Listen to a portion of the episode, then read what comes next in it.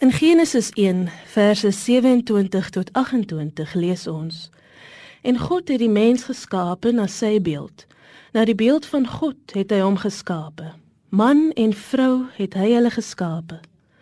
En God het hulle geseën en God het vir hulle gesê: Wees vrugbaar en vermeerder en vul die aarde.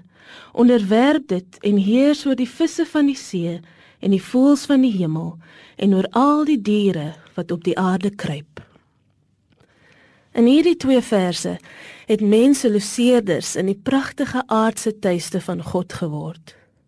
Mense se siening van hierdie twee verse verskil hemelbreed. Aan die een kant vind ons mense wat die skepping aanbid sonder om die hoof fokus op die Skepper self te plaas. Aan die ander kant vind ons mense wat glad nie aan die skepping dink as iets wonderlik nie.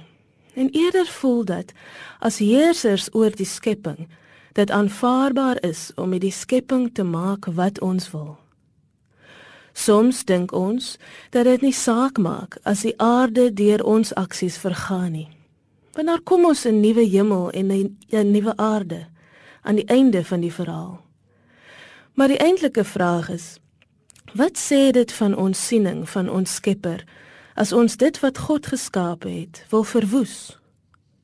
Dan is daar 'n ander siening wat sê dat Johannes 3 vers 16 nie beteken dat God die hele wêreld se mense so liefgehad het dat Jesus aan ons geskenk is nie, maar eerder dat God die hele wêreld liefgehad het.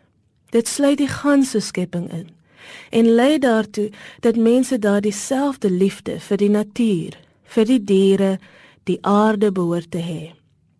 Mense is binne God se groot ontwerp geplaas as globale tuinwerkers. Ons diepste kwaliteit is om te versorg, te beskerm, lief te hê, net soos God dit met ons doen. Psalm 8 verse 4 tot 6 sê so mooi: As ek die hemel aanskou, die werk van die vingers, die maan en die sterre wat U toeberei het. Wat is die mens dat U aan hom dink en die mensekind dat U hom besoek? U het hom 'n weinig minder gemaak as 'n goddelike wese en hom met eer en heerlikheid gekroon. Kan ons vandag werklik ons identiteit so sien soos die psalmdigter dit verstaan? Kan ons ons rol op hierdie aarde weer waardeer as een van sorg vir die ganse skepping?